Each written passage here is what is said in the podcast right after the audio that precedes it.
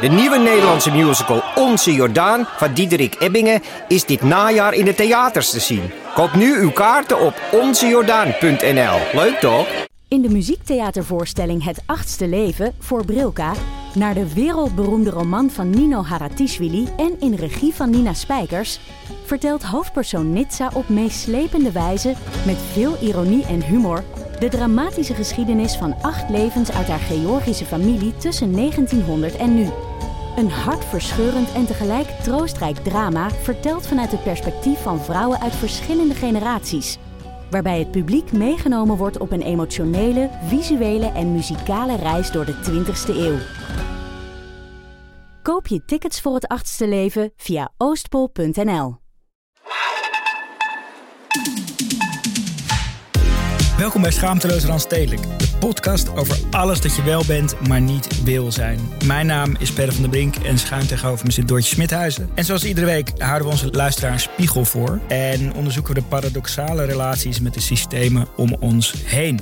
Vandaag een aflevering over de Nepo-baby. We gaan het fenomeen ontleden en vooral ook uitzoomen. Want wat ligt er onder die grote fascinatie en irritatie die we momenteel allemaal lijken te hebben met Nepo-babies? En wat zegt het ook vooral over deze tijd? Ja, en zijn wij zelf Nepo-babies? Precies. Ben jij een Nepo-baby? Ben ik een Nepo-baby?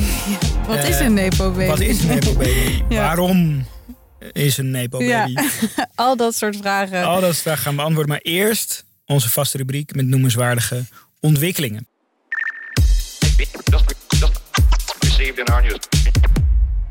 Ja, jij was in de Artis. Ja, ik was in Artis. eh, Zoals eh, een eh, jonge ouder dat af en toe doet. Heb je een abonnement? Nee, nee Oh. ik denk altijd... Ik, ik, kijk, ik heb dus... ehm, daar gaat dit hele punt ook over.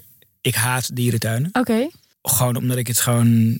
Ja, ik vind gewoon... Het voelt gewoon niet meer van deze tijd. om Nee. Die beesten gewoon... Ik vind het gewoon zielig. Ja, is het ook. En, maar ja, als je jonge kinderen hebt, die- zij vinden het wel leuk om naar de dierentuin te gaan. Mhm. Dus ehm, eh, mijn middelste zoontje en ik hadden een soort quality time dag. Eh, dus we gingen met z'n tweeën iets doen en ja, hij, hij mocht kiezen en dat, dit werd het gewoon.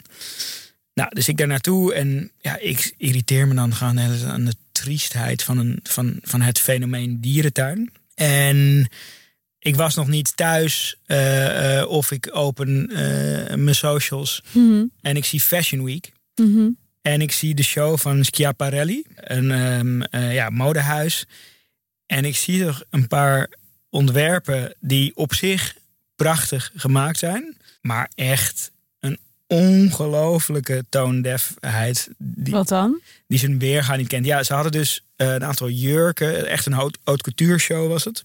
En ze hadden jurken gemaakt waarop ze eigenlijk trophy... Ja, hoe noem je dat? Trophy hunting. Eh, dus, dus wat eh, onze Had, eh, koninklijke, ko- hoe- koninklijke huis ook deed. ja, maar had hoe leeuwen- heet een Jenner dit ook niet aan naar Ja, gaan? ja, die- Nee, die zat, die zat gewoon front row met Oh, een van die creaties. met zo'n leeuw. Ja, precies. Dus met leeuwenkoppen, panterkoppen.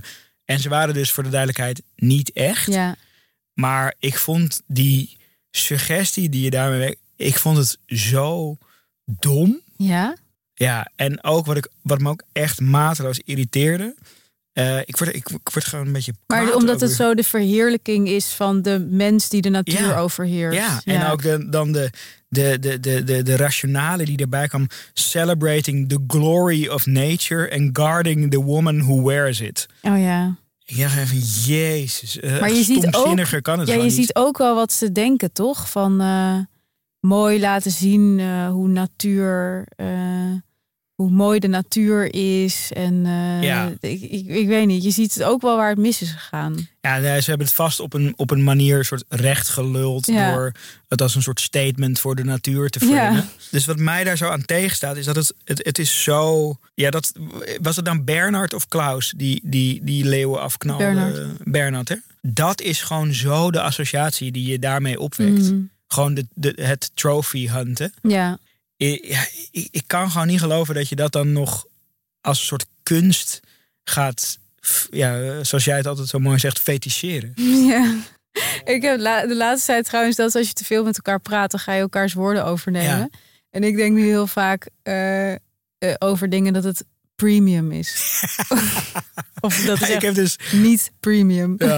Nou, ik was dus vorige week de gast in Ja. de Zelfs podcast. Ja. Eh, en daar gebruikte ik ook heel casual het woord feticheren. Oh, cool. Over, het, over dat Sander zijn, zijn plattelandsleven feticheert in de folk living. Mhm. Ja, Ehm, dus dat was precies, precies hetzelfde, Mooi. maar dan andersom. ik, eh, ik las een eh, interessant bericht over Meta. Ook Mhm. wel bekend als Facebook. en eh, de, eh, uiteraard ook de eigenaar van Instagram. Dat eh, de nieuwe adviesraad van Meta, die pleit voor het toestaan van tepels. Ja, Van vrouwelijke tepels moet Ja. erbij zetten op, op de foto's. Dat vond ik wel interessant. Dat is natuurlijk al een eindeloze strijd van waarom zijn mannentepels wel toegestaan. Want vrouwentepels worden meteen hè, van, van de site gehaald. En ik vond dit wel een hele interessante ontwikkeling. Ik ben heel benieuwd. Volgens mij hebben ze zes weken bij eh, Meta om te reageren op het advies eh, van deze raad. Dus, ja want die raad die, die, die hebben ze zelf in het leven geroepen. ja, Eh, en die heeft ze wel vaker ook, nou niet dwars gezeten, maar wel met moeilijke dingen opgezadeld. Ja. Ik denk dat ze hier ook niet echt blij mee ja, maar ik denk tegelijk zijn. dat ze er niet onderuit kunnen, toch? Want het is zo... Ja, het is een, een adviesraad. Het is zo'n controversieel onderwerp natuurlijk. Maar goed, ik ben, ik ben in principe helemaal voor eh free the nipple. En ik, ik, ik vind dat echt bizar dat vrouwen dat soort Ja. foto's niet van zichzelf zouden kunnen delen. Zeker in een tijd waarin je online zo oneindig veel bloot eh, kan weer. vinden. Maar goed, ik had laatst een, eh, een fotoshoot voor de, voor de Vogue. Ja, En eh, dat is natuurlijk, eh, als we het over mode hebben, een Mhm. heel modieus eh, magazine. dus die had ook een hele modieuze en zeer minimalistische outfit voor Ja. mij. ja. En ehm, dat was wel even een, een, een moment dat, dat ik daar aankwam. En nou, die jurk die hing daar klaar, was prachtig, maar gewoon Maar was- totaal doorschijnend. wat voor ontwerper was het, weet je, weet je dat? Yves Saint Laurent. Oké. Ja, Hadden je dus wel premium ingeschat. uit Parijs. Ja. Ja. Ja, heel premium. Het was heel premium. Maar het was dus gewoon helemaal doorschijnend. Ja. Dus, ehm, En hoe reageerde jij dan? Ehm, nou, het, ik was even eh, dat ik zei: Oké, eh, je ziet dus in principe gewoon alles. en toen Zeiden zei die stylist van: ehm, Ja, maar je bent ook feminist, toch? en toen was ik heel even. Even zo'n nadenkmoment, dat je het even bij elkaar probeert te krijgen in je hoofd. Ja. Dacht ik, nou ja, nee ja. Ik, toen dacht ik, ja, god, weet je, ik talk de talk. Let's walk the walk. Misschien moet ik ook maar de walk walken, Ja, weet ja. je wel? Dus eh, ja. En die komt binnenkort uit. Die komt eh, binnenkort uit en dan gaan we het zien eh, in hoeverre ik, in hoeverre ik de, de, de walk heb gewalkt. Eh, jij had ook nog nieuws over Van Moof. Ja, wa- was wel opvallend nieuws dat ehm, uit het jaar, het nog niet goedgekeurde, maar dus schijnbaar wel al ingeziene jaarverslag van Van Moof. Mhm. ehm, kwam aan bod dat, er eigenlijk naar de, dat ze naar de aandeelhouders zijn gegaan. eh, met een dringend verzoek om, om bij te storten. Ja, Omdat ze anders eh, over twee maanden, dus aan het einde van het eerste kwartaal van dit jaar, dat is echt heel snel. ja, Ja. Eh, eh, in de problemen zouden komen. Dus dat ze gewoon eh, ja, echt cash nodig Dus hadden. Van Moof zit gewoon in financieel zwaar weer. Ja, eigenlijk. schijnbaar. Stond in het kijk, FD, toch? Ja, stond in het FD. en dat kwam dus uit, uit hun eigen jaarverslag. Wat dus ook nog niet is goedgekeurd door de accountant vanwege dit ding of zo. Dus best wel opvallend. En ja, dan kun je. ik ben benieuwd of dat te maken heeft met alle negatieve berichtgeving Ja, van onder andere ons misschien. ja dat, Nou, niet- dat weet niet- je. niet dat het door ons komt, maar- Veel zijn enorm Parool eh, eh, trekt ook behoorlijk van leer eh, tegen. Ja, ik weet niet wie, wie er groter is, Parool. Ja, dat is waar. Het is natuurlijk een schijntje vergeleken met de invloed die wij hebben. Dat ze dus echt in de problemen zitten. Ja. Dus ik ben, ik ben benieuwd. ehm, ja, er is bijgestort, dus Oké. ze zijn weer uit de problemen. Ja, ik heb niet het idee dat ik minder van Moof zie rondrijden de afgelopen Nee. tijd in principe. Nee, maar ik heb wel het idee dat mensen echt stelselmatig ontevreden zijn over, over de. Van Moofs. Ja, ik had trouwens laatst, ik liep gisteren door eh, Noord en toen ehm reed er een fatbike langs. Mhm. Die echt keihard het alarm afging met Ja. twee jongens erop. Dus ik zei tegen mijn vriend van, nou daar is iets mee mis. Ja, die gaat niet helemaal lekker. Ja, waarop mijn vriend ik zei, ja die is zojuist gestolen. In al jouw onschuld. Ja. ja, ik, Ja. to- dan toch, eh, ga dan toch uit van het goede van de mens. Hij is Maar- vastgelopen, het alarm blijft Ja, aan. ja, weet je wel, moet ik jullie helpen? Ja. Moet ik iemand bellen? Maar ik dacht wel, god, dit is wel een heel interessant nieuw systeem. Dat je, je, had, je had vroeger dat, dat idee van eh, filosoof eh, Foucault... dat we eigenlijk steeds meer in een soort surveillance maatschappij Mhm. komen te leven... waarin iedereen door zichtbaarheid, dat je je gedrag gaat aanpassen. Weet je wel? Dus Ja, hoe zichtbaarder je bent, hoe ja, beter je gaat gedragen. Dat is het Mhm. idee. En dat is natuurlijk nu ook heel relevant in het kader van privacy en data en zo. Ja. Maar ik dacht dat dat krijg je eigenlijk ook met die met die e-bikes, met die alarmsystemen. Dat we Ja. een soort bijna een soort shame cultuur krijgen van mensen die het alsnog wagen om die dingen dan Ja. te jatten. ja het is hetzelfde met, die, met de ring, toch? Dat Jan en Ja. Alleman beelden deelt. En, Ja, eh, Daar moeten we ook nog eens een keer een ja en, aflevering over in, in, in, in buurt-apps. Ja, ja, ja. Mensen Oh, dat- direct. Dat heeft zoveel invloed. Ik heb daar een keer voor de Volkskrant artikel over Ja. geschreven. Ik hoop dat ehm, de rechtmatige eigenaar van deze fatbike... eh, ja, misschien via ons. Hij kan me altijd ja. hebben. Ja. Ja.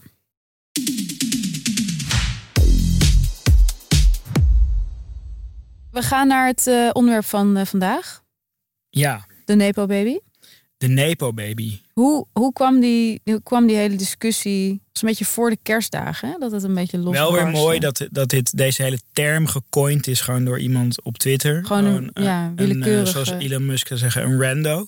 Oké, Ehm, die tweet iets over eh, iemand die in Euphoria speelt, eh, een actrice, eh Maud Apatow. Mhm. En zij tweet, of hij tweet, ik weet het eigenlijk niet.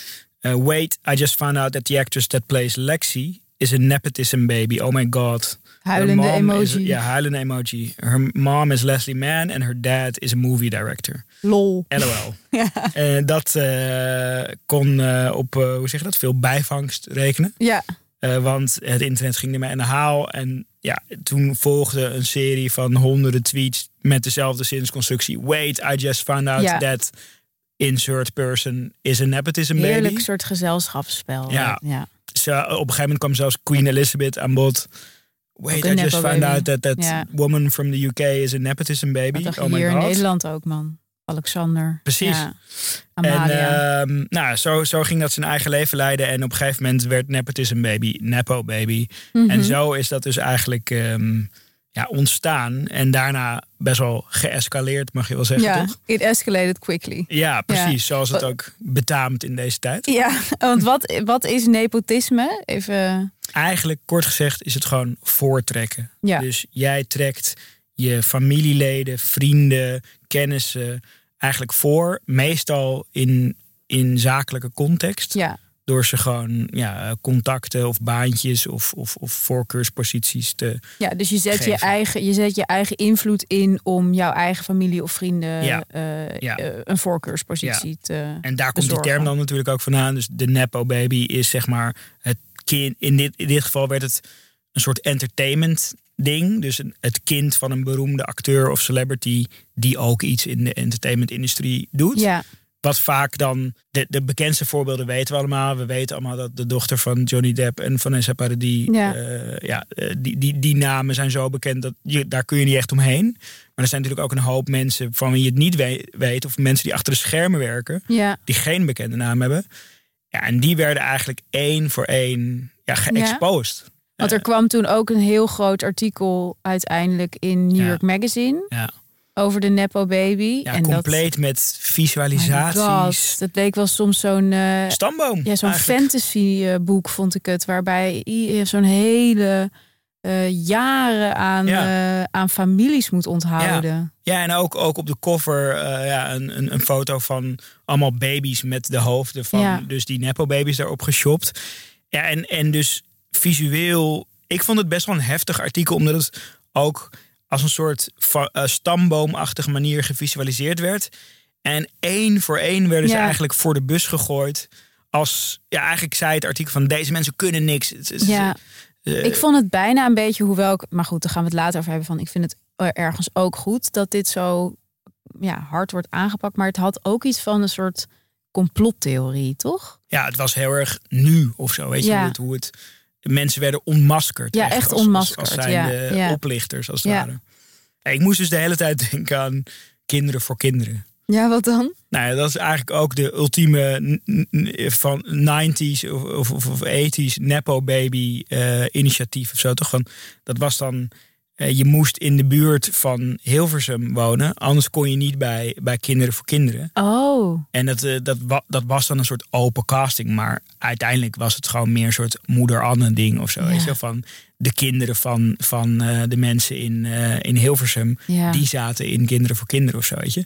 Dus ik moest, ik moest daar heel erg eh, aan terugdenken. Van dat dat eigenlijk de, de OG Nepo Baby fabriek was in Nederland. Wow, moeder Anne, daar raak je ook wel even... Heb jij een, daarbij eh, gezeten? Ja, tuurlijk. ja, jij? Nee. Oh mijn god. Heb je, ja, Een- moeder Anne is, is dus... eh, Een castingbureau eh, voor kinderen in ja. Amsterdam. Ja. Bestaat nog steeds. Nooit werk uitgehaald. Nee? Nul keer.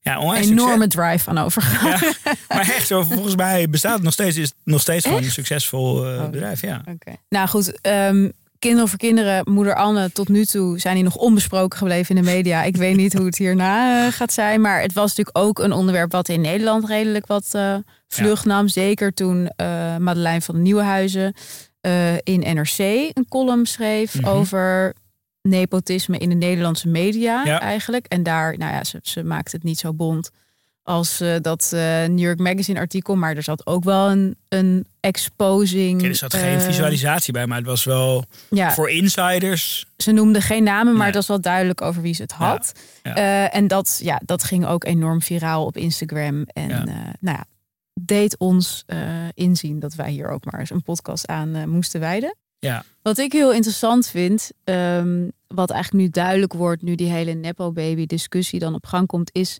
hoe interessant mensen het überhaupt vinden. Hoe mensen hun familiebanden lopen. Mhm. Tenminste, ik heb het idee dat eh, ja, zeker wat oudere generaties er altijd heel lekker op gaan als iemand dan de zoon of dochter is van een ouder beroemd persoon. Ja. Dus als een jonger iemand ook acteur wordt of eh, weet je wel, dat, ook altijd van die dubbel interviews in kranten. Ja, ja, ja. Van eh, zoon eh, en vader, allebei eh, acteur. En dat, wat hebben ze van elkaar geleerd? Ja, weet, dat vinden mensen gewoon geweldig, toch? Dat je ook eigenlijk afvraagt, waarom? Wat is daar leuk aan? En waarom gaat het dan eigenlijk ook niet om... Zou een redactie dat dan nu niet meer gaan doen? Nou ja, ik vind het wel interessant dat als je, als je dus dat soort interviews ziet... het gaat eigenlijk nooit over... Hey, in hoeverre heb jij nou je succes aan hem of haar te danken? Het gaat alleen maar over... Wat leer je van hem? Ja. Of hoe was het vroeger thuis? Want toen zaten jullie ook altijd al muziek te maken Ja. of zo, weet je wel? Ja. En, maar ja, er zijn ook programma's inmiddels op tv te zien zoals DNA Singers. Ik weet Mhm. niet of je dat kent. Ja, zeker. Dat is dus dat mensen gaan zingen, onbekende mensen. En die zijn dan familie van Ja. Tineke Schouten of zo. En dan moet dat, die jury moet dan, of publiek, ik heb nooit gekeken. Maar die moet dan dus raden van, van wie zijn ze familie. Ja. Dus dan zie je al hoe geobsedeerd mensen zijn met dit Ja. onderwerp. Ja. En wat ook fascinerend is, is dat er nu natuurlijk ook een soort, zeker in Amerika, een, een discussie op gang komt van is het eigenlijk wel zo leuk om een nepo baby te Mhm. zijn? Want het is natuurlijk ook zwaar en veel eisend als een van je ouders of je beide ouders altijd in het middelpunt van de belangstelling staan. Ja. En ehm, nou ja, het kan ook druk op mensen leggen dat ze bijvoorbeeld carrière willen maken in een bepaald, eh, bepaald vakgebied waar hun ouders dan al heel erg in hebben geëxceleerd. Ja, ik heb het van eh, een goede kennis van mij is, is, is het kind van een hele grote modeondernemer. Oké. En nou, die heeft heel veel kinderen, maar hij heeft twee zoons die verreweg het oudst zijn. De rest Mhm. is allemaal een soort tweede leg en wat jonger. En zij schelen bijna niks. En die persoonlijkheden van hun zijn zo diametraal anders. Mhm. Dus die ene is echt gewoon full-on nepo baby. Ja. Die, die, die rijdt een Porsche. Die wil, ook, die wil gewoon het stokje overnemen van, van zijn pa. Oké. Eh, die woont in het oude huis van zijn pa. Wat echt een soort super glamour paleis is. Met een voetbalveld in de tuin en weet ik wat allemaal. En die andere woont in een eh, klein flatje. En die rijdt een hele bescheiden Hyundai. Eh, die introduceert zich nooit met zijn achternaam.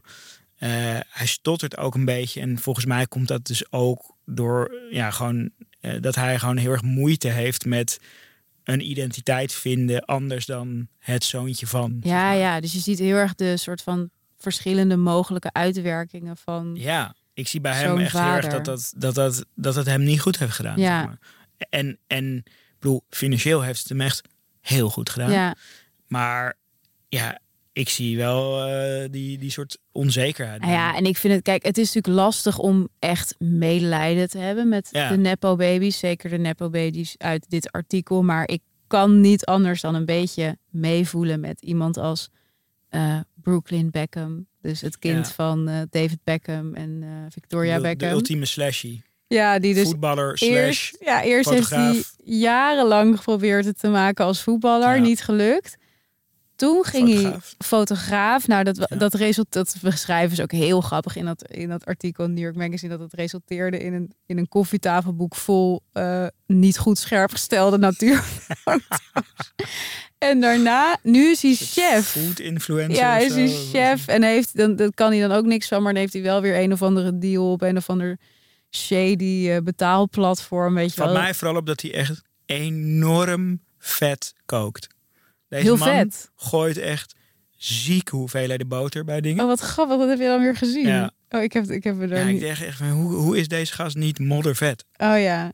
Ja, maar je weet, Victoria Beckham, die is bekend dat ze werkt op een loopband, hè? Dus Oh ja? misschien kookt hij ook op een loopband. Ja, Nou, we gaan zo meteen ehm, verder over eh, ja, eh, waarom we dit allemaal zo interessant vinden. Wat het zegt over de stelselmatige kansenongelijkheid überhaupt in Nederland. En natuurlijk over onze eigen privileges. Ehm, maar eerst gaan we even naar ons reclameblok. Hello, fresh. Fresh. We hebben de eerste week eh Hello Fresh eh, erop zitten. ja. Wat, eh, wat is jouw Ja, ik had dus een soort heel gek ding wat ik relaxed vond. Nou, Eigenlijk, als je je koelkast opent en hij is vol, dat is een relaxed gevoel, toch? mhm. Dat is een fijn, fijne binnenkomer in je huis. Maar als hij te vol is, dat haat ik echt. ja, Dat je zo een pakje boter ergens moet opzetten of weet ik wat. Ja. En is niet premium. nee, het is niet premium. Nee. Het is gewoon een beetje armoedig eh Ja. gestouw. Bij HelloFresh krijg je precies de hoeveelheid die je, die je mm, moet koken. Mhm. Waardoor het dus gewoon relatief minder, of niet relatief, in absolute zin minder ruimte in je koelkast eh, inneemt. En toen deed ik de deur en dacht ik, ja, chill. Overzicht, pak je boter kan gewoon recht staan. Dus en je koelkast ziet er vrij Marie Kondo uit. Mhm. Eh, en je hebt geen waste, want je eet wat je krijgt. Het is al met al premium. Het is Het is helemaal premium een premium ervaring. En wat ik heel fijn vond was, want ik ging nu weer voor de volgende keer bestellen, was dat ik zag dat je ook op eh, klimaatbewust kan klikken. Dus dat er minder CO2 eh, uitstoot Ja. eh, bij eh, de ingrediënten is komen kijken van die gerechten. Dat vind ik heel fijn, want het is toch altijd lastig om als je boodschappen doet te weten van wat is nou precies de meest milieubewuste keus. En dat vind ik heel fijn dat ze dat dan in elk geval nu Ja, eh, zeker. duidelijk aangeven. En wat helemaal mooi is, is dat wij jou tot wel 75 euro korting kunnen geven op je eerste vier boxen met de code Hello Schaamteloos 75. En dat is dus Hello Schaamteloos in hoofdletters en 75 een getal. Deze korting geldt voor zowel nieuwe als oude HelloFresh abonnees. En je bent een oud HelloFresh abonnee als je meer dan drie maanden geleden je lidmaatschap hebt opgezegd. De link vind je in de beschrijving van deze podcast.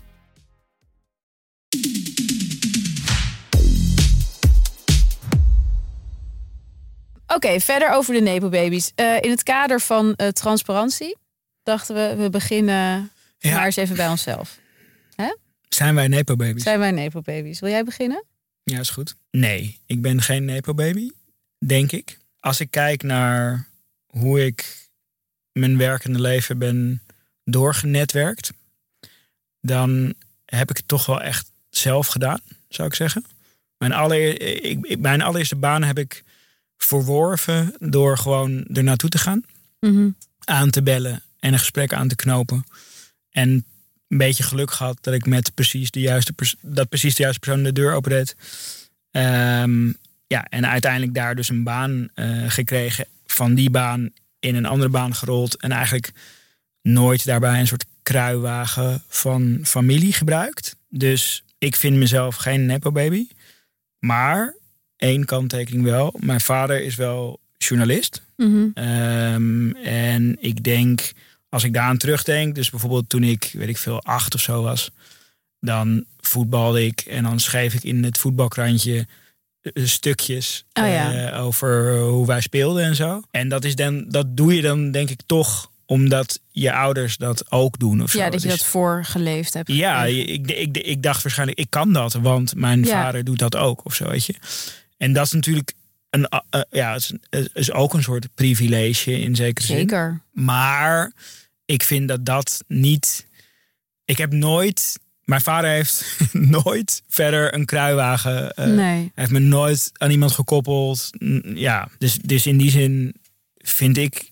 Ik identificeer mezelf niet als. als ik zou niet zoals Haley Bieber een Nepo Baby t-shirt. Waar zou jij staan, denk je, in het vulture als je erin zou staan? Hoe bedoel je dat? Nou, er zijn natuurlijk ook allemaal categorieën voor wat jij bedoelt, nu noemt. Van dat je niet misschien eh, een strikt genomen nepo-baby bent, maar wel, eh, weet je wel, zoals eh, de vader van eh Timothée Chalamet. Die had ook nog op, eh, die had ook nog de Ja. set gebouwd voor een of andere B-film of Ja, zo. ja, ja, dat, dat werd wel echt heel ver gezocht Ja, het op een gegeven ging moment ook. ver, ja. ja. Dus dat, ja, dus zo kan je iedereen wel klassificeren. ja, als een dus je had baby. ook, weet je wel, de industry baby graduates, weet je, dat soort dingen. Ja, maar ik, ik doe ook niet. Ik ben ook niet. Per, ik, ik zie mezelf ook niet als journalist. Dus in die zin Nee. vind ik ook niet dat ik in de voetsporen van mijn Ja, vader maar ik vind het wel lastig. Van ben je alleen een nepo-baby? En dat is wat ik sowieso lastig vind aan die term. En waarom ik het enigszins jammer vind dat we ons daar nu zo op blind staren. Van dat, je dus blijkbaar alleen een nepo-baby bent als je precies gaat doen wat je ouders doen. Of Ja. in die lijn van werk verder gaat. Want- vooral als je die kruiwagen hebt gepakt. ja, zo, maar toch? kijk, ik ben, ik ben strikt genomen, ben ik geen nepo-baby. Want mijn, ja, mijn ouders zijn geen journalist, werken Mhm. niet in de media. Maar ik zou toch wel willen zeggen, als we dan moeten zeggen ja of nee, zou ik toch over mezelf willen zeggen dat ik het wel ben. Mhm. Omdat ik wel zie dat ik heel veel kansen en heel veel privileges Ja. heb gehad die anderen gewoon niet hadden. Ja. En dat begint al met, eh, nou in mijn geval ouders die allebei in de culturele sector werken, waardoor je van jongs af aan bijvoorbeeld veel leest, eh, veel cultuur tot je kan nemen, musea bezoekt, weet je, Mhm. waardoor je denk ik al een bepaalde richting op ontwikkelt waar Ja. ik nu veel aan heb. Ja, of Ik- je überhaupt weet wat bepaalde beroepen zijn. En dat, dat, ze er kranten bestaan, ja. weet je wel, dat er zoiets is als de VPRO of überhaupt de publieke omroep waar je eventueel voor zou kunnen werken.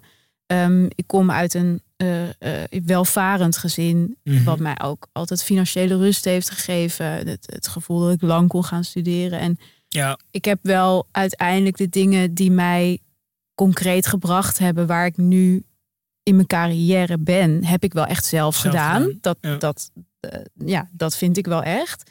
Maar ehm, de mogelijkheid om dat te kunnen doen ligt wel bij, ligt wel ook in het gegeven dat ik eh, ja, een basis heb waar, waarvanuit het heel makkelijk word je ontwikkelen daar dan was. oncomfortabel van? Nee, ik vind het gewoon heel goed om dat in te zien. Ja. Want wat ik bijvoorbeeld een goed voorbeeld vind, is ik heb een master gedaan aan de, aan de Universiteit van Amsterdam. eh, duale journalistiek master. Ik geloof dat die ook in de volksmond wel de hofleverancier wordt genoemd van de Nederlandse Het media. diplomatenklasje van de Nederlandse Het diplomatenklasje van de media, 100%. En eh, nou, daar heb ik zelf wel echt hard voor gewerkt. Ik heb toen Mhm. ook een jaar genomen waarin ik eigenlijk, ik studeerde toen nog filosofie, waarin ik heb gedacht van ik, heb, ik ga nu minder op filosofie richten en meer op publiceren, weet je wel, in de faculteitsbladen en dat soort dingen, zodat ik met een beetje een cv Mhm. bij die master aan kan komen. Maar ja, om dat te kunnen doen, moet je wel ouders hebben die dat begrijpen, bijvoorbeeld. Niet een enorme ehm, eh, noodzaak voelen om zo snel mogelijk geld te gaan verdienen. Ik bedoel, als ik dat had gevoeld, dan had ik absoluut niet dit beroep eh, gekozen. Dus er zit een soort, eh, ja, Ja. ook als je strikt genomen geen nepo-baby bent, Als je een bepaalde vrijheid hebt, hebt gekregen van Ja, ouders eigenlijk. denk ik dat je wel enorm veel privileges Ja. kan, eh, ka- kan genieten. En dat is ook wat ik, nou goed, we zullen het er meer over hebben, maar dat is wat ik moeilijk vind ook aan die term. Ja, ik weet niet. Ik, ik, ik werd er toch een beetje soort oncomfortabel van. Omdat ik dus... bijv- Bijvoorbeeld bij ons thuis was er niet per se heel veel geld of zo. Mhm. Waardoor ik juist de druk voelde om wel... Eigenlijk andersom. Ja. Van, je moet gewoon voor je eigen shit zorgen. En daar ben ik denk ik best assertief en ondernemend van geworden. Ehm, en dan bouw je ook dat beeld van jezelf op of zo, weet je. Zo van, je bent...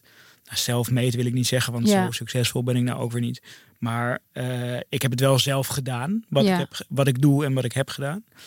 Ehm, als je, en als je dan eh, ehm, toch teruggaat naar ja, wat ik net ook zei: van oh ja, dus het feit dat hij dat deed, heeft me misschien wel andere privileges gegeven. Dat jouw vader journalist was. Ja, ja, Ja. dus het, het, het kan een, een manier van denken zijn. Dus Ja. daar zit ook assertiviteit in, in dat beroep of zo, weet je.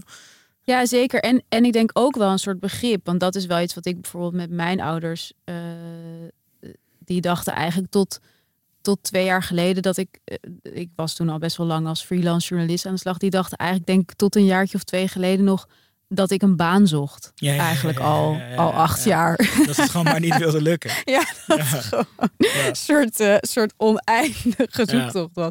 Dus dat, dat is ook, weet je, ook iets waarvan ik denk, dat kan ook een privilege zijn. Dat je ouders je heel goed begrijpen, kunnen meedenken. Weet je wel, dat dat ik dan bijvoorbeeld niet zo erg. Dus ik denk dat die privileges in veel meer zitten dan ouders die heel concreet hetzelfde doen. Ja.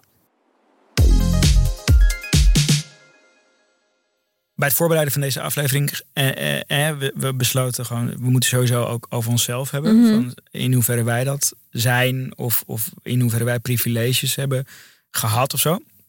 Dan, ja, dan merk je eigenlijk dat het, eh, dat het hele Nepo-baby fenomeen is eigenlijk, dat, dat, het, staat voor, kan, het gaat over kansenongelijkheid, generally, weet je wel? Ja, ik vond dat jij het heel goed samenvatte dat het een TikTok-versie is van het kansenongelijkheid debat. Ja, want zeg maar, eigenlijk zijn wij soort verwoorden. We, we zijn zo gewend in, in, in ehm, de manier hoe we media consumeren. Dat alles snel en catchy en grappig en Ja. Gewoon. En meteen duidelijk Ja, ook een foto van Lenny Kravitz Ja. en zijn dochter Happa, Nepo Baby. precies, geout. Ja, Oké, en door. ja, Eh, en dat is een beetje wat we, wat we zijn geworden. Eh, omdat we de, eigenlijk de aandachtspan of de interesse voor het daadwerkelijke probleem wat eronder ligt, gewoon niet meer Niet hebben. opbrengen. En omdat het gewoon lekker is, toch? Ik bedoel, ik heb wel, ik heb, ja, ik heb er ook echt van gesmuld.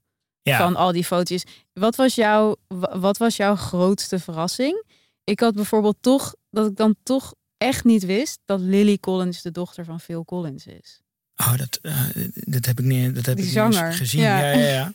Eh, Ik had, eh, nou dat kwam niet uit dat, uit dat New York Magazine stuk, maar Lily Allen. Ja, Dat, dat had ik ook niet ook verwacht. Als je gewoon. Ja. dat eerste album dacht ik echt van wow, zij is gewoon een soort straat of zo, weet je? Nee, zij is zo kritisch op eh, iedereen die met een silver spoon Ja. is geboren. Ja. En ze had ook, ze, ze ging zelf ook even door de mangel eh, op Twitter, doordat zij, Ja, zij, Zij- ging er keihard tegen in. ja, zij ging, zij zegt, jullie, jullie focussen op het verkeerde. Jullie zijn nu met die entertainment nepo babies bezig, maar waar je echt druk om moet maken, zijn de nepo babies in de advocatuur en in Ja. de politiek en in de bankaire wereld. En toen zei eh, iemand eh, op Twitter, die reageerde erop, don't worry, we can multitask. Ja. En dat ding had echt honderdduizenden likes. Ja. Dus toen kreeg ze hem wel even hard om de oren. En ik Ja. weet niet, bij haar had ik niet, gewoon niet verwacht. Ja, en ook een domme reactie. Ik denk Ja. gewoon als nepo baby, weet je wel, of Erken het. zak it up. Ja. Je kan stil blijven. Dat, dat is een optie, denk ik. Gewoon Ja. hopen dat het overuit. Of gewoon zeggen, ja, inderdaad. Weet je wel. Guys. gewoon de, de Ja. aloude, als je wordt ge, ge- hoe heet het ook weer? Als je wordt, ja, stilzitten. Wat is het ook weer? De, de tactiek van, eh, hoe heet die, eh, die Schapen. spindokter? die, die, die, eh, die alle politie in Nederland, nou, Kai van der Linden. Zijn ding is dit toch? Geen idee. gewoon, als je wordt ge- ge- geschoren, moet je stilzitten. Ja. Of is dat hem? Ja. Voor alle nepo babies out there. Voor alle Nederlanders uit. Of own it. Ja, of ook niet. Go Ja. Haley, Haley Dat- Bieber Ja. met de shirt.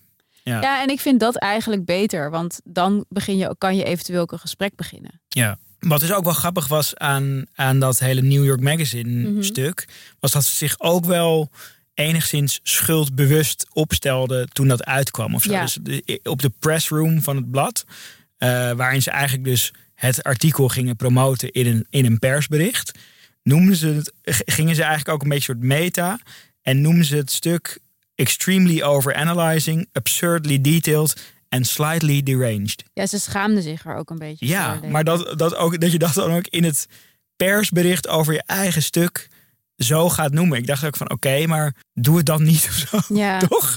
Maar het was ook soms wel, waar we het, wat we eerder ook zeiden. Ik heb nu ook weer even die Ti- Timothée Chalamet erbij gehaald. En er staat dan bij, ja, nephew, nephew of the creator of Party of Five. En de director of Leprechaun 2. Ja. Ik weet ook echt totaal niet wat dat was. ja. En hij was ook nog Lourdes Leon's first boyfriend when they were students at LaGuardia. Wie is Dus- Lourdes ja, Leeuwen? geen idee. Maar snap je, het, het, is, het wordt op een gegeven moment ook, dan wordt alles verdacht. Weet je wel, iedereen oh nee, maar wacht even. kent. Lourdes is wel, dat is die dochter van Madonna. Ja, maar is dat een Dat wel- pluspunt, though? Ja, dat kan wel een klein kruiwagentje zijn, toch? Eh, als, je, als je gaat met de dochter van Madonna, Oké. dan, gaat dan gaat er wel misschien een deurtje voor je give them that, ja. Eh, maar goed, er zat dus in dat, in, dat, in dat persbericht van dat stuk een soort, eh, ja, hoe zeg je dat? Apologetic Ja. vibeje. Verontschuldigend, ja. Ja, ver- ja, verontschuldigende Maar dat sfeer. snap ik wel, want ik vind dat wel dus dat zo'n artikel, ja, ik zou het geen cancelcultuur willen noemen, maar ik vind het wel een beetje daarop lijken. Ja, nee, totaal. echt een zo op de man, Ja, heel erg eh, persoonlijk maken van een probleem, ja, terwijl eigenlijk het onderliggende probleem onbesproken blijft. ja, maar ik, denk, ik dacht al van oké, maar in plaats van je te verontschuldigen in het persbericht, schrijf het stuk dan niet en maak een stuk Maak iets over het onderliggende probleem ja, of zo, weet je? Ja. Maar ja, dat is het natuurlijk gewoon. En je ziet, ik vind het in dit soort verhalen zie je ook gewoon heel erg de invloed van Twitter op de journalistiek. Ja, Dit is gewoon een tweetkanon, Ja, zeg maar, wat is- ze hebben gemaakt. Ze wisten. Het is een beetje wat, wat je had met Kim Kardashian toen op de voorkant van dat. eh was dat paper of zo? Dat zij die fles champagne op haar kont had. Oh, ja, en dan zo break the internet heet het ook. Omdat ze wisten gewoon, dit gaat viraal. En dat is met dit hetzelfde. En zo Dat- voorspelbaar. het gaat gewoon niet viraal op het moment dat je genuanceerd bent. En eh, Ik had dat ook een beetje met wat Kim Kardashian... Sorry, even een klein Ja, zijs- ja. sprongetje. Kim Kardashian afgelopen week een eh, lecture op Harvard Business School had gegeven. Oh. Over haar cosmetica merk. En daar had ze ook zo'n selfie met zo'n pet van Harvard. oh. En toen, daar dacht ik ook van... Zij, zij is ook wel gewiekst genoeg om te weten dat dit ding... Dat mensen daar heel kritisch over gaan zijn. ja, ja, ja. Ze doet het er gewoon om. Break the internet Ja. again. Weet En je? ondertussen had ze ook weer echt een mega hit met Skims. Dat ze die meiden van eh, White Lotus, hè? Die twee callgirls van White Lotus zijn het gezicht van haar ondergoedcampagne. Ah, ja. ik stuur je wel even een foto. Top. maar kijk, precies. Het is eigenlijk heeft het allemaal de Kim Kardashian methode. Ja. dit soort verhalen. En ik vind Tot het lastig. de- Omdat om met dit, dit, dit soort verhalen te scoren, moet het gewoon polariseren. En dat is wat ik er lastig aan vind. Dat is ook wat ik enigszins lastig vond aan dat, ehm, die column eh, in NRC. Mhm. Eh, weet je, zij zet zichzelf dan ook neer als niet zijnde een nepo-baby. Want zij kwam uit een middenklasse gezin, niet Ja. uit de Randstad. Het deed me ook een beetje denken aan Wier Duk, weet je wel. Die altijd zegt van, ik ben de enige journalist die niet in de Randstad woont. Dus ik Dus- ben de stem van het volk. Ja, ik weet wat er speelt in het land of zo. Weet je, dat heeft zoiets. Dat, dat, ook dat, heel erg eh Ja, neerbuigend bijna. ja, maar ook gewoon echt een beetje polariserend. En Ja. daarvan denk ik, ja, god, als je dit echt, echt wil veranderen, dan moeten we volgens mij beginnen met een gesprek en niet met aanwijzen wie goed is en wie Nou ja, fout. wel, wat ik, wat ik ook vaak in mijn werk. Kijk, als je cu- culturele verandering heeft natuurlijk een aantal fases waarvan activisme of, of, of schreeuwen meestal de eerste is, of Ja. zo, toch? Ehm, en als je, weet, weet ik veel, eh, Greta Thunberg, die gaat ook niet uiteindelijk het beleid bedenken eh, hoe je eh, eh, Ja. het klimaat weer moet eh, rechttrekken, zeg maar. Mhm. Haar functie in het proces is ophef maken dat het op de agenda komt of zo. En dan gaan andere mensen het beleid maken. Alleen bij dit is dan zo van, je doet het eerste, maar je functie als medium zou eigenlijk ook moeten zijn dat je die, die, dat onderliggende probleem Ja. eh, duidt. En misschien wel met oplossingen. Ja, eh, maar dat komt levert natuurlijk gewoon veel minder kliks. Ja, dat maar ja, dat- dan hoop je dat, zeg maar, dat media meer die dubbele. Prima als je dan ook die soort columnachtige ophef Ja, eh, veroorzaakt. Maar doe er dan meer mee, of zo, weet je? Behandelen dan, zoals de New York Times vaak ook doet, dat ze gewoon één verhaal pakken en daar eigenlijk soort van gaan campaignen. De New York Times had op een gegeven moment de Privacy Project. Ik weet niet of je dat toen hebben meegekregen, maar dan hadden ze gewoon ja, op een hele mooie manier pakt ze één thema en daar gingen ze dan maandenlang verhalen over maken. Die hadden allemaal, daar werd een soort identiteit voor ontwikkeld en dat werd Ja. echt als een enorme campagne gebracht. Hetzelfde deed de correspondent met eh, dat het water komt, Ja. dat, dat, dat eh, manifest wat. eh, nou, en het gebeurt natuurlijk sowieso ook wel op dit onderwerp. Kijk, ik vind als je kijkt naar een serie als Klasse mhm. en eigenlijk ook Sander en de Kloof, dat Ja. gaat allebei, vind ik, heel mooi en diepgaand over dit onderwerp. En ja, eigenlijk, ik vond het heel interessant. Ik las een artikel ehm, in Vox Mhm. over, eh, over het artikel in eh, New York Magazine. Ja, En wat zij heel goed vertelde was, het, waarom dit zo aanslaat, is omdat het mensen confronteert met het feit dat eigenlijk gewoon dat ongelijkheid bestaat. Mhm. En we leven natuurlijk in een samenleving, in Amerika nog meer, maar hier ook, waarin we worden ehm, ja, geacht en ook aangemoedigd om te geloven in eh, sociaal stijgen, in het idee dat werken loont, in het Ja. idee dat als jij je best doet, je iets beter uit gaat komen dan misschien jouw ouders Mhm. ooit. En ehm, op het moment dat je dan ziet dat, eh, weet ik veel, de, de dochter of zoon van een of andere acteur eh, op zijn twintigste al een Oscar wint, ja. dan denk je, hé, hey, maar wacht eens even. Die heeft veel minder hard gewerkt dan ik. En wat zit ik hier dan eigenlijk te doen? Ja. En dat is veel soort van ehm, meer in your face en zeg maar confronterender, sneller confronterender dan bijvoorbeeld je realiseren dat ehm, heel veel eh, kinderen van artsen ook arts worden. Mhm. Wat ook zo is, want dat schreef eh Madeleine dan wel ook wel heel goed in dat NRC-stuk van. Eh, bij, bij een artsenopleiding vragen ze dan hoeveel eh, van jullie ouders zijn ook artsen. En dan gaan ook Ja, alle handen alle omhoog. omhoog. Maar goed, dan, dat accepteren mensen denk ik ook meer omdat je dan vervolgens wel die studie medicijnen gaat doen. Dus you put in the work, zeg maar. En bij Ja, in de ja. entertainmentwereld, daar heb je geen diploma voor nodig. Maar denk je dat zij niet hard werken? Jawel, maar ik denk wel dat je, zeg maar... ehm, Je hoeft geen diploma te overnight halen. kan je, kan je gewoon eh gecatapult worden. Ja. ehm, Dat is een beetje. ik moet denken aan die, dat die filmpjes van die verjaardag van Kendall Jenner toen ze 18 werd. En dan Mhm. vroegen mensen aan Kim van wat heb je voor haar, eh, wat heb je er gegeven als cadeau? En dan zegt ze, oh, I got her a career. Echt heel ernstig. Maar goed, het is grappig wat je zegt. Want ehm, eigenlijk is dan dus het idee dat als je eh, bijvoorbeeld rechten of eh, medicijnen gaat studeren, als je ouders dat ook hebben gedaan, dat dat dan nog enigszins rechtvaardig is, omdat je zeg maar studiepunten moet halen en Ja. jezelf moet bewijzen. Maar daar is natuurlijk het hele idee van de meritocratie in. Ehm, het idee dat mensen beoordeeld worden op hun waarden. En die worden dan afgemeten in de vorm van tests en cijfers en scores en studiepunten, et cetera. Dat is natuurlijk een, een idee waar we al een tijd met z'n allen in geloven. Maar waarvan we steeds meer zien dat het gewoon zo lekker is als een mandje. mhm. Want op het moment dat iedereen aan dezelfde tests wordt onderworpen en op dezelfde manier maatschappelijk wordt beoordeeld, zullen er altijd mensen zijn die zorgen dat ze die test kunnen omzeilen Ja. of die een betere beoordeling voor zichzelf kunnen regelen, Ja. linksom of rechtsom. En nou ja, in Nederland en in Amerika zal dat ook zo zijn, zijn dat gewoon mensen met meer kapitaal. Ja, Of de, nou bij- de bijlescultuur die hier of het nou is, sociaal kapitaal, financieel kapitaal, cultureel kapitaal, maar elke vorm van kapitaal Ja, kan een voorsprong voor jou eh, betekenen in de samenleving. ja. En dat is natuurlijk iets waar we gewoon in Nederland gewoon op dit moment enorm tegenaan lopen. Oké, concluderend. Wat, ehm, wat kunnen we concluderen over de Nepo-babies? Nou, dat het ten eerste dat het natuurlijk symbool staat voor iets veel groters. Ja, Dat dat een systeem, dat er een hè, dat culturele verandering of systemische verandering allerlei fases kent. En dat dat wat er nu gebeurt, dat sensationele, dat dat niet per se slecht is. Dat dat een soort een van die fases dient. Maar dat, het, dat die andere fases nu wel ontbreken. ja, Toch? ja. Dus op naar die fases, Ja. zou Ja. zeggen. En eh, check your privilege.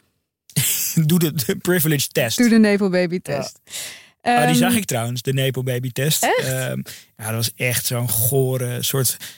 Ik weet niet of het BuzzFeed, volgens mij was het BuzzFeed. Die hadden er zo'n hele smerige clickbait quiz van gemaakt. Oh. Ik heb hem dus ik uit principe, eh, of uit principieel niet gemaakt. Ik wilde hem eigenlijk doen, maar ik heb hem niet gedaan. Je moest zeggen, dit is mijn favoriete stad. Dit is mijn favoriete lied. Eh, moest je gewoon kiezen uit een aantal opties. En daar kreeg je wie jouw Nepo Baby soulmate was. Oh, Oké, ik ga zo meteen even deze, Zullen we misschien even in de show notes zetten? deze, Ja. deze, deze test doen. Eh, dit was Schaamteloos Randstedelijk voor deze week. De podcast over alles wat je wel bent, maar niet wil zijn. Zoals Nepo Babies. Wil je op de hoogte blijven? Abonneer je dan op onze podcast in je favoriete podcast app. En volg ons op Instagram, Schaamteloos. Tot volgende week.